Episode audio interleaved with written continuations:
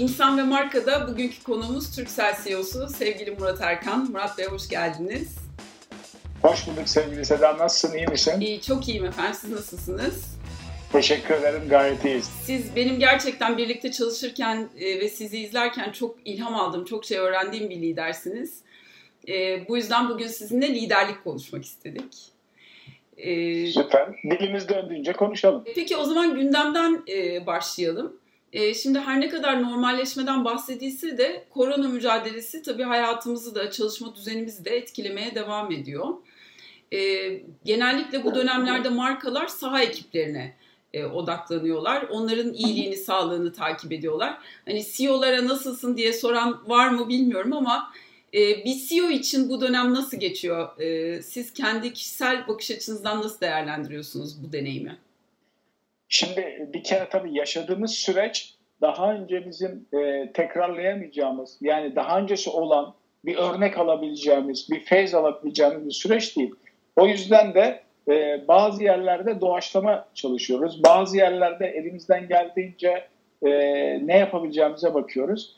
Ama e, bence toplamda e, gerek ülke olarak gerek şirket olarak oldukça iyi yönettiğimizi düşünüyorum. Çünkü e, bu dönemde belli sektörler pest e, geçirdi. Telekom hmm. sektörü de bunlardan birisi. Yani bugüne kadar telekom sektörü hep şöyle düşünülüyordu. İşte bir utility şirketi gibi, işte e, elektrik su sağlayan şirket gibi düşünüyordu. Fakat burada stratejik önemi e, cidden ortaya çıktı. Bu önemin temel sebebi de aslında bir sektör olmadığı, bütün sektörleri yatay kestiği Hı. ve onların işlerini, hayatları nasıl kolaylaştığını gösteren bir süreç oldu. Ve bunun yanında kendi işimize baktığımızda e, çalışanlarımıza odaklandık. Sahada mağazalarımız var, mağaza çalışanlarımıza odaklandık. E, müşterilerimiz tabii en değerli varlıklarımız. Çünkü müşterilerimiz de bu dönemde birçok bilinmeyenle karşı karşıya kaldılar. Onların bu süreçlerinde nasıl destek oluruz o, o konuda da ciddi kafa yorduk. Ama şunu söyleyebilirim. Süreç zordu ama hani atlatıldı mı denir e, çok e, erken belki bunu söylemek için ama hani bu süreci yönetme konusunda e, ciddi hem deneyim kazandık hem de iyi sonuçlar aldığımızı düşünüyorum. E, peki sizin için yani Türksel olarak değil Murat Erkan olarak bu dönemdeki en büyük challenge ne oldu? Ya aslında tabii bilinmeyen bilinmezlik bir challenge ama e, toplamda baktığımızda e, süreç içinde çalışanlarımıza, müşterilerimize çok iyi odaklandık. Onların işlerini daha iyi yapmalarını sağladık ama challenge'lardan birisi tabii sağlık. Ne demek istiyorum? Bazı konularda her şeyi yapmak istiyorsunuz ama hep önünüzde e, gerek müşterilerinizin gerekse çalışanlarınızın mağazadan çağrı merkezine kadar e, hep bir kafanızda bir endişe, bir korku var. Evet. En büyük challenge buydu aslında ama şunu da çok iyi becerdik. İyi teknolojilere yatırım yapmışız. Uzaktan çalışma konusunda e, oldukça başarılı işler çıktı. E, müşterilerimizin davranış yapısı değişti. Daha önce trafikler e, hem trafik artışı oldu hem trafiğin paterni değişti. Ne demek istiyorum? Daha önce gündüz mesela evde çok internet trafiği olmazken bir anda evde eğitimle ilgili, işle ilgili ciddi şeyler oluştu. O yüzden bu değişimi de yönetmek önemliydi. Bence hazırlık önemli, strateji önemli. Bu tür bilinmeyen dünyaya hazırlıklı olmak e, her baba yiğidin harcı değil açıkçası. Biz burada kendimize bir artı puan yazabiliriz diye düşünüyorum. E, şimdi aslında sizin dışarıda da bir söyleminiz var. Türkiye'nin dijital operatörü e, hatta dünyanın e, değil mi global olarak da bir evet, iddianız evet. var dijital operatör olmak. aslında belki bu çalışma deneyimine ilk kez bu kadar yansıdı değil mi? Sizin dijital operatör olarak duruşunuz artık Türksellerin de yaşadığı, deneyimlediği bir şey haline geldi. Belki de bir fırsat oldu diyebiliriz. Kesinlikle çünkü ne demek istiyorum?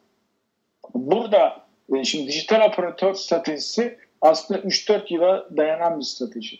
Bu dönemde biz sadece kendi iş süreçlerimiz değil, müşterilerimizle dijitalleşme yolunda önemli adımlar, önemli yatırımlar yaptık. Şimdi bu dönemde de o yatırımların meyvelerini topluyoruz diye düşünüyorum. Çünkü bugün başınıza geldiği anda tedbir almaya kalksanız iki yıldan önce aslında bu tür süreçlere cevap veremiyorsunuz. Evet. Ama biz mesela kurumsal müşterilerimize gittiğimizde dijital dönüşüm, dijitalleşmeyi hayatınızın merkezine alın dediğimizde bunu e, 3-5 yıl süren bir süreçte ikna edecekken aslında pandemi birkaç ayda bütün herkesi dijitalleşme konusunda ikna etti. Yani örnek vermek gerekirse işte benim babam bile dijitalleşti 87 yaşında. E, çünkü e, torunlarıyla e, iletişim kurmak istiyorsa, e, çocuklarıyla iletişim, sevdikleriyle iletişim kurmak istiyorsa kendisinin dijitalleşmesi gerektiğini o yaşta bile e, hissediyor olmak çok önemli. Bu bireyler için de böyle, şirketler için de böyle, aslında ülkeler için de böyle. Ne kadar dijitalleştirirseniz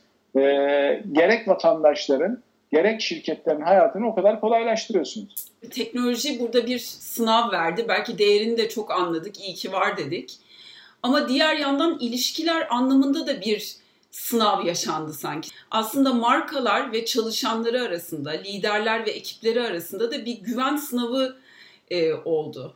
E, yani böyle bir dönemde samimiyet de çok sorgulandı. Sizce bu tarz dönemlerde yani böyle kritik dönemlerde liderlikte neler e, önemli, hangi faktörler önemli diye düşünüyorsunuz?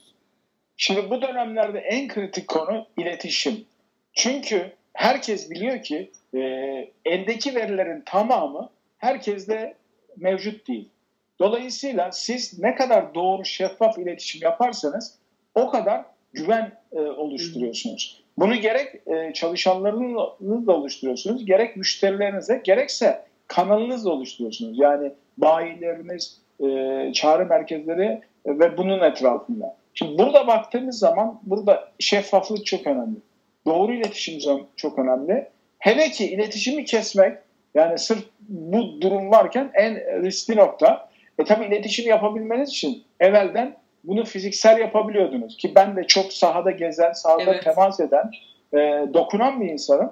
Fakat e, şunu görüyorsunuz ki şu anda bunu yapamıyorsunuz. O zaman bunu mümkün olan bütün mecralarda dijital olarak yapmanız lazım. Yani e, bunu video konferans sistemleriyle e, her fırsatını bulduğunuzda bir araya gelmeniz lazım.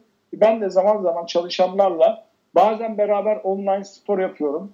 Bazen e, akşamları dijital e, yarışmalara katılıyorum. Aramızda yarışmalar düzenliyoruz.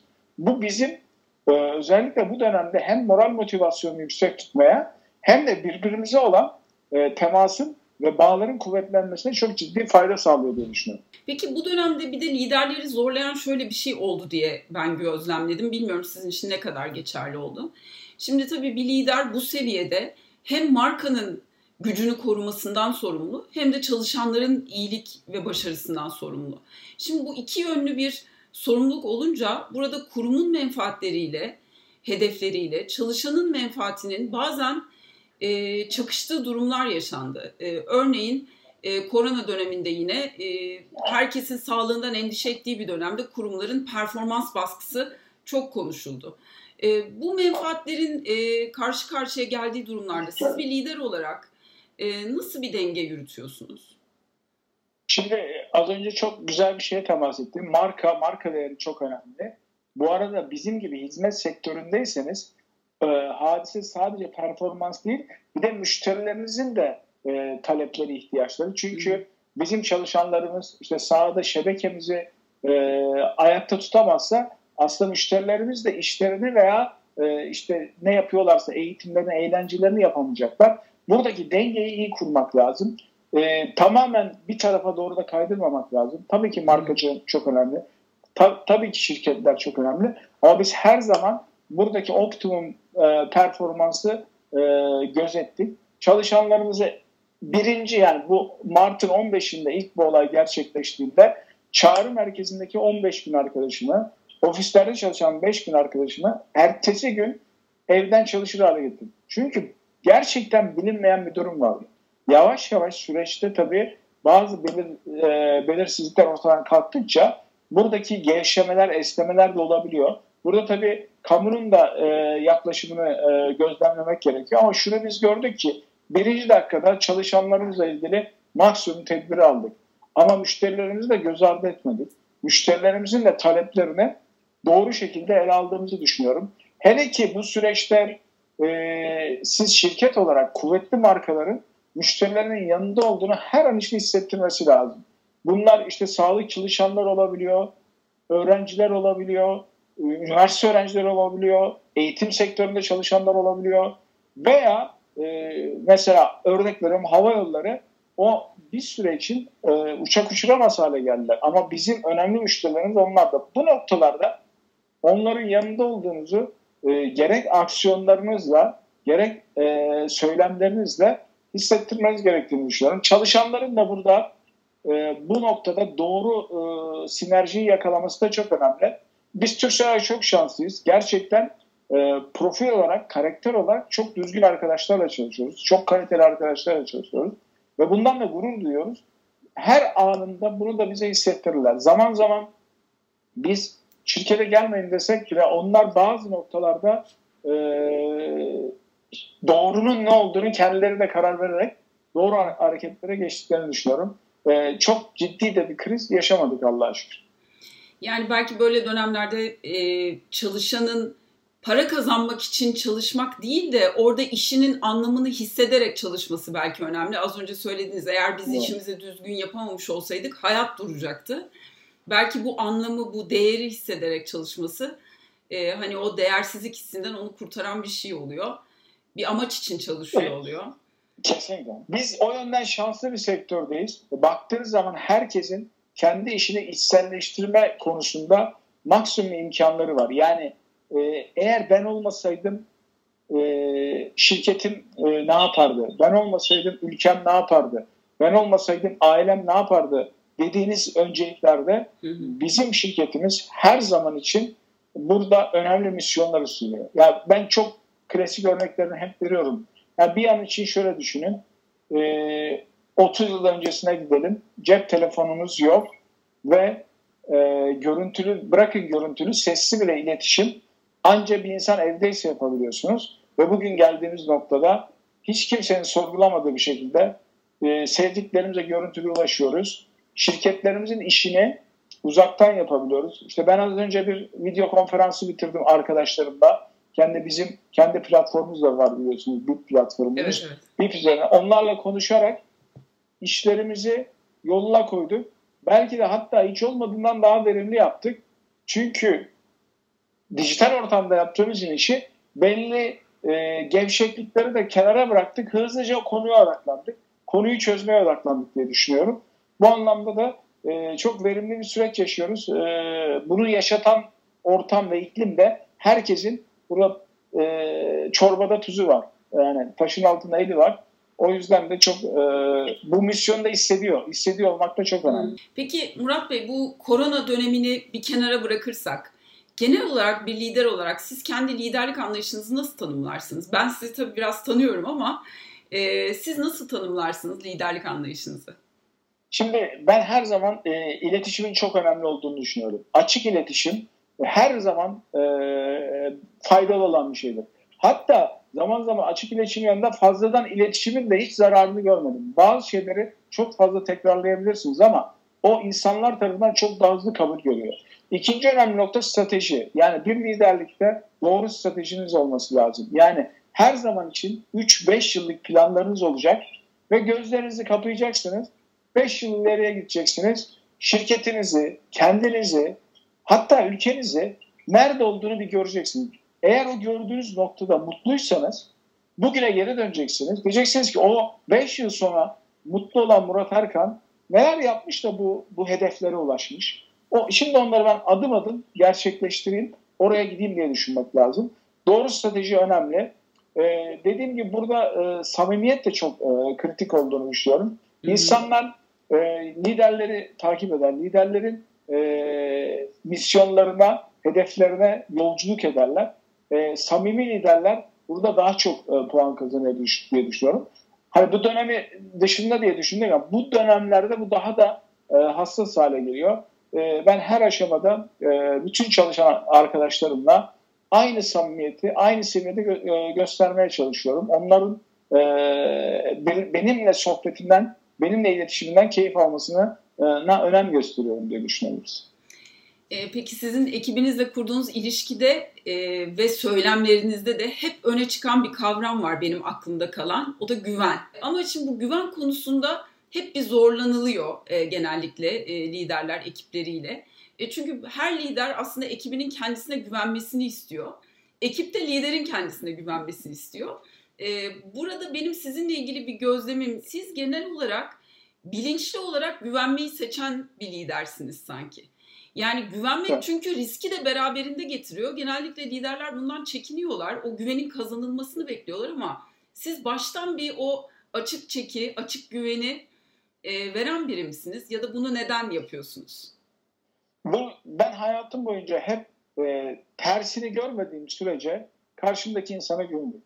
Yani ne demek istiyorum? Yani bir işi emanet ettiğinizde, bir konuyu emanet ettiğinizde veya bir süreci yaşadığınızda her zaman önce güveneceksiniz.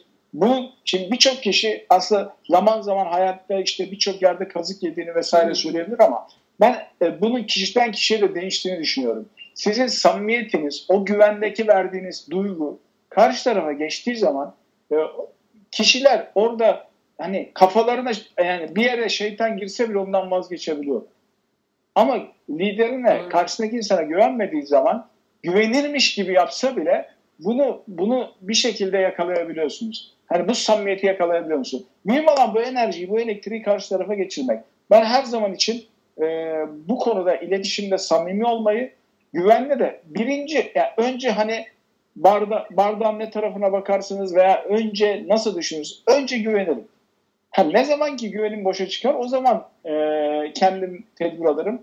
Ve herkesin bu krediye e, ihtiyacı olduğunu düşünüyorum. Kredinin de verilmesi gerektiğini düşünüyorum. E, bugüne kadar zaten e, iş dünyasında e, kırılma anları bu risk aldığınız anlarla ortaya çıkıyor. Eğer ortada bir başarı varsa o başarının içinde de bu da önemli bir parça oluyor. Çünkü e, her işi kendiniz yapamazsınız. Her işi e, sadece kapalı bir çevrimle yapamazsınız. Mühim olan bu güveni en az seviyeye kadar indirmek. Yani insanlar bir şey yaparken gerçekten bir dava uğruna, bir hedef uğruna yapması çok önemli. Ben de e, hangi işi yapıyorsam yapayım o an için hayatımın en önemli işi olarak kabul ediyorum. Ee, insanların da hayatın en önemli işi olarak kabul etmesini e, e, söylüyorum, e, sağlamaya çalışıyorum. O zaman zaten başarı geliyor. Evet, genel olarak aslında en güvenilen liderler de en güvenen liderler arasından e, çıkıyor. Bizim de gözlemimiz bu yönde. Ama bunu samimi bir şekilde yaparsınız. Çünkü bazen bir kitaba bakarsınız, kitapta güven vermen lazım diye bir şey var. Şimdi bunu yapmam lazım diye düşünürseniz, yani bir e, bunu bir olması gerektiği için yapmaya kalkarsanız, o zaman da çok samimi olmuyor. O zaman da top yere düşüyor iki, iki taraf arasında. Evet. Topu düşürmemek için gerçekten bunu hani konuştuğunuzu yapmak da çok önemli. Peki siz bir CEO olarak başarıyı neyle ölçersiniz? Yani sizin için çaba mı daha değerlidir yoksa sonuçlar mı sadece? Bence e, şu, şunu çok samimi olarak söyleyeyim. Çaba, çaba da çok önemlidir, sonuçlar da önemlidir. Yani boşa çaba harcamak da e, aslında o iş için yanlış bir şeylerin olduğunu gösterir. Bence sonuç da çok önemlidir. Çaba da. Çünkü çaba göstermeden bazen çok kısa yoldan sonuca ulaşabilirsiniz. Ama bu çok geçici olur. E, bu öbür adımda başarısızlık getirebilir. Ama e, hiç anlamsız bir çaba harcayıp, bütün eforu harcayıp da sonuca ulaşamıyorsanız da bu da o zaman doğru bir iş yapmadığınızı gösterir. O yüzden de bunun ikisi bir terazi gibi düşünmek lazım. Teraziyi dengeli tutmak lazım. E, çaba göstermeden sonuç alınmıyor. Ama sonuç alamıyorsanız da boşa çaba harcamış oluyorsunuz. Bu döngüyü korumak lazım. Peki ben biraz kurum kültürü konusundaki düşüncelerinizi almak istiyorum. Türksel bir yere gitmek istiyor. Oraya nasıl insanlarla gidebilir? Aslında bunu belirleyen de biraz kurum kültürü oluyor. Ee, siz bir CEO olarak kurumun kültürünü başarısı üzerinde ne kadar etkili bir faktör olarak görüyorsunuz? Bu konuya bakışınız nedir? Şimdi kurum kültürü aslında bütün takımın, ekibin, şirketin aynı şekilde aynı yöne bakmasını sağlayan en temel unsurlardan birisi. Çünkü ben hep şunu söylüyorum arkadaşlarıma. Yani bir Türkcell'li dediğiniz zaman e, bir yere gittiniz, oturdunuz. Sosyal bir ortamda da olabilir, restoranda olabilir, bir sinemada olabilir veya e, bir e, üçüncü parti yerlerde olabilir. Gittiğiniz zaman siz oturduğunuzda bu kişi muhtemelen Türkcell'de çalışıyordur hissini verebilmeniz lazım. Neden?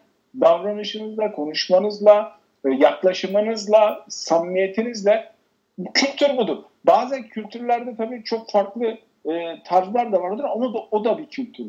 Yani bugün Türksel böyleyse bir başka şirket başka türlü bir kültür oturtabilir. Ona da saygı duyuyorum. Ama bir duruş vardır. O duruş her zaman dışarıdan bakıldığında evet bu Türksel duruştur. Türksel yaklaşımıdır. Türksel'le yakışan hareket budur demesi lazım. Hı. Tekrar söylüyorum. Herkesi aynı kalıba sokmak anlamında söylemiyorum. Ama Türksel'in duruşunun marka değerine, e, bütün kurumun yaklaşımına aslında herkesin içselleştirmesiyle ilgili bir şey. Burada da insan kaynaklarına, liderlere çok önemli görevler düşüyor. Şimdi tam da insan kaynakları dediniz. Şimdi geçmişte biz bu işi yapmaya başladığımız yıllarda insan kaynakları daha operasyonel görevler kurumlar içinde e, daha fazla üstleniyordu. E, şu anda net bir şekilde özellikle kurum kültürü, işveren markası gibi konu başlıklarında aslında o stratejik e, masada e, insan kaynakları. Siz kurumun içinde insan kaynaklarının rolünü nasıl görüyorsunuz bir e, CEO olarak? Ve bir kere insan kaynakları her zaman için burada e, çok stratejik bir e, roldedir. Tek başına sadece işte compensation planları, e, işte maaşları, primleri, e, işe alımları e, veya işlem gönderimleri yapan bir kurumdan ziyade o kurumun gövdesinde her yere temas eden ama her yerde de iletişim kuran merkezi bir fonksiyon. Dolayısıyla bu fonksiyonun e, mutlaka mutlaka öncelikle kendisinin bu şirketin kurumu stratejisine ve kültürüne hakim olması lazım. Ama şunu da söyleyeyim. İnsan kaynakları yönetimi tek başına insan kaynaklarında yapması gereken bir iş olarak görmüyorum. Hı hı. İnsan kaynakları yönetimi kolektif bir şey. Bu yüzden de biz de mesela örnek veriyorum bu Covid döneminde bir e, ekip yarattık. Özellikle dijital dönüşüm, değişim e, ortamı nereye taşıyalım? Bütün şirketin e, departmanlarından arkadaşlarımızdan oluşan bayağı yüze yakın kişi bir grup oluşturduk. Çünkü siz merkezde oturarak bir satış ekibinin, bir operasyon ekibinin, bir IT ekibinin, e, bir pazarlama ekibinin, finans ekibinin bu dönemdeki endişelerini, sıkıntılarını çözemezsiniz. Onların kendilerinin katılımcı olup bu politikaları, bu stratejileri, bu kültürü e, enjekte etmesi gerekiyor, transfer etmesi gerekiyor. Hatta kararın parçası olması gerekiyor. Çünkü günün sonunda sadece merkezden bir kararla bütün kurumun yapısını, düzenini, dönüşümünü gerçekleştiremezsiniz. Katılımcı bir şekilde e, bu insan kaynakları yönetimine katılması gerektiğini düşünüyorum. Bütün departmanlar. Evet, yani çok kritik bir şey söylediniz. Tabii kurum kültürünü dönüştürmekle ilgili bir sorumluluk alacaksa insan kaynaklarının diğer departmanların çok ciddi işbirliğine ihtiyacı var. Belki kurumdaki... Satın alması lazım bunu. Yani evet, bu evet. fikirleri satın alması lazım. Satın alması ve uygulamak için aslında o İK'cı şapkasını da e, bir yandan bütün liderlerin belki taşıması gerekiyor. E, kolektif bir çalışma olması gerekiyor. E, peki son olarak... E, bir vaktiniz... de şu var, şunu unutmadan sonra bir de kararın parçası olması gerekiyor. Çünkü bir kararın parçasıysanız o kararı hayata geçirmek çok daha kolay. Ama size bir karar geliyorsa bir yerden işte şöyle yapacağız arkadaşlar. Bundan sonra ya şimdi bence çok mantıklı değil diye düşünebilirsiniz. Ama siz o kararın bir şekilde parçasıysanız o zaman daha bir sahipleniyorsunuz. Daha bir aktarımcı oluyorsunuz. Daha bir e, dört elle e, sarılıyorsunuz bu işe. O yüzden kararın parçası olmak her zaman önemli. Yani çoğunlukla liderler kararlarıyla tanınır ama kararlarda e, bütün takımı kararın parçası yapmak da en önemli misyonlardan birisidir. O zaman böyle bir rolde olabilmek için insan kaynaklarının kurum içinde hem toplayan, sürekli bilgiyi toplayan bir yapıya oluşturup çözümle birlikte de geri dağıtan bir hub gibi olması lazım belki de değil mi? Kesinlikle. Yapı olarak. İnsanların yani çalışanlar harcaması lazım. Bunu da gönüllü yapması lazım. Yani hani bazı şirketlerde insan kaynaklarından çok ürkülür, çekinilir evet. çünkü sanki bütün kararları onlar veriyormuş gibi. Halbuki öyle değil. Kararlar herkesin. İnsan kaynakları burada bunun e, merkezi toparlayıcısı rolünde olduğunu düşünüyorum. Hı hı. Peki son olarak geleceğe dair de bir e, soru sorarak bitirmek istiyorum. E, şimdi iki tane kavram genellikle gelecekten bahsederken sürekli öne çıkıyor. Teknoloji ve insan. Siz şimdi her ikisinden de e, çok bahsettiniz. İkisiyle de çok yakın e, bir sektördesiniz. E, siz bu resmi nasıl görüyorsunuz? Hani teknoloji gelip insanın işini elinden alacak mı korkuları da vardı bir dönem. Şimdi insan ne kadar etkin olacak bu gelecekte? Bu teknoloji insan işbirliğini geleceğin iş yaşamında nasıl e, bir resim çizeceğini düşünüyorsunuz? Ben şunu düşünüyorum. Ne insan ne teknolojiden vazgeçeceğiz.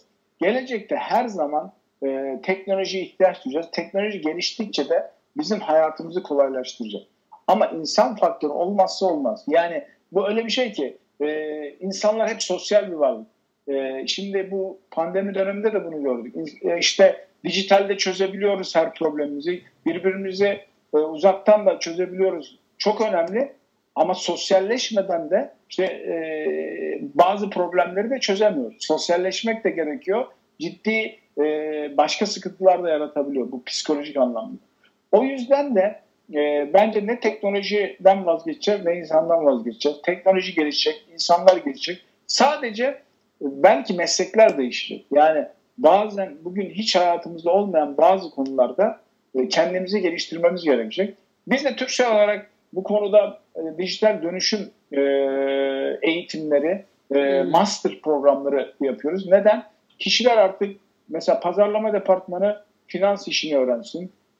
IT departmanı pazarlamayı öğrensin. Böylece de kendisini başka bileziklerle de geliştirsin. Yaptığı işte e, diğer departmanlara etkisini görerek daha faydalı işler yapsın diye düşünüyorum. Ama şu çok net yani bu burada hiç şüphem yok. Teknoloji mutlaka değişecek. Teknolojiyi yakından takip etmenin e, olmazsa olmaz olduğunu düşünüyorum. Çünkü o zaman dışarıda kalıyorsunuz. Yani hmm. yarışmada bir anda yarışma dışı kalabiliyorsunuz. Yarışmada kalabilmek için teknolojiyi işimizin ve hayatımızın her noktasına koymak zorundayız. Ama insanı da kaybetmeden çünkü günün sonunda az önce neden bahsettim? Çalışanlarımıza çok önem verdiğimizden. Onlar insan. E, müşterilerimize de çok önem verdiğimizden bahsettik. Onlar da birey. E, günün sonunda insanlar insanlarla çalışıyor. Ama teknoloji bu işi kolaylaştırıyor diye düşünüyorum. Peki bu geleceğin iş yaşamı ile ilgili liderler neyi öğrensin dersiniz? Ya da hangi bildiklerini unutsun? Ya bence e, bir kere e, ön, ön yargıları bir kenara bırakmak lazım. E, biz biz tabii nispeten şanslı bir sektörde çalışıyoruz. Çünkü e, her sabah kalktığınızda teknolojiyle uğraşan insanlar hep yeni bir şeyler var. Onu böyle e, öğrenmek için bir, bir koşturmacanın içine giriyorsunuz. Ve bu da şunu gerektiriyor, işten keyif almanızı sağlıyor. Yani ben arkadaşlarıma hep şunu söylüyorum. Sabah kalktınız, eğer duşta biraz fazla kalıyorsanız ve bu bir süre devam ediyorsa o zaman işi değiştirmeyi düşünün. Belki o an için şirketi değil ama işi değiştirmek, başka işler yapmak çok daha değerli. Ama dediğim gibi biz e, hem sektör olarak hem çalışan profili olarak çok e, yetenekli bir kadroyla çalışıyoruz. Onlar da her sabah kalktığında e, yeni bir heyecanla uyanıyorlar. E, başka sektörlerde bunun sıkıntıları olabilir ama her sektör mutlaka kendisine heyecanlandıracak bir şeyler bulabilmeli diye düşünüyorum. Peki Murat Bey çok teşekkür ederiz. Ben teşekkür Vakit ederim. Vakit ayırdığınız için sizi görmek çok güzeldi. En yakın zamanda ben umarım de, yüz yüze en tekrar fiziksel görüşelim. Evet, evet, yüz yüze bu kez görüşmek üzere diyorum. Tamam. Kolaylıklar diliyorum. İyi çalışmalar. Hoşçakalın.